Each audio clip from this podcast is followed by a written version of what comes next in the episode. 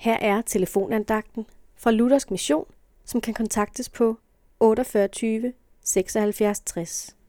Andagtholderen i dag er Henning Jul. I Johannes evangelie kapitel 5 fortælles der om Jesu helbredelse af den syge mand ved Bethesda Dam. I vers 6 står der, da Jesus så ham ligge der og vidste, at han allerede havde været der i lang tid, sagde han til ham, vil du være rask? Vil du være rask, spørger Jesus. Vi synes måske nok, at det er et mærkeligt spørgsmål at stille en mand, som har været syg i 38 år.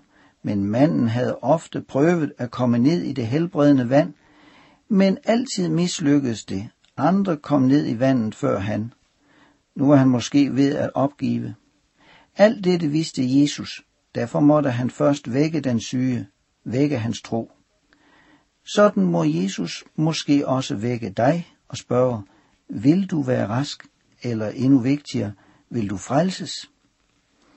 Vi hindrer Jesu værk, når vi gribes af mismod og giver op, når vi siger, jeg har prøvet, men det nytter ikke for mig.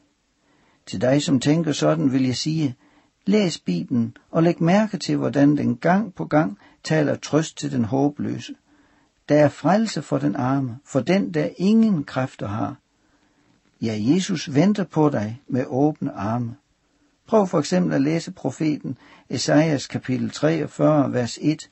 Frygt ikke, for jeg har løskøbt dig. Jeg kalder dig ved navn. Du er min. Læs selv videre. God læselyst. Amen.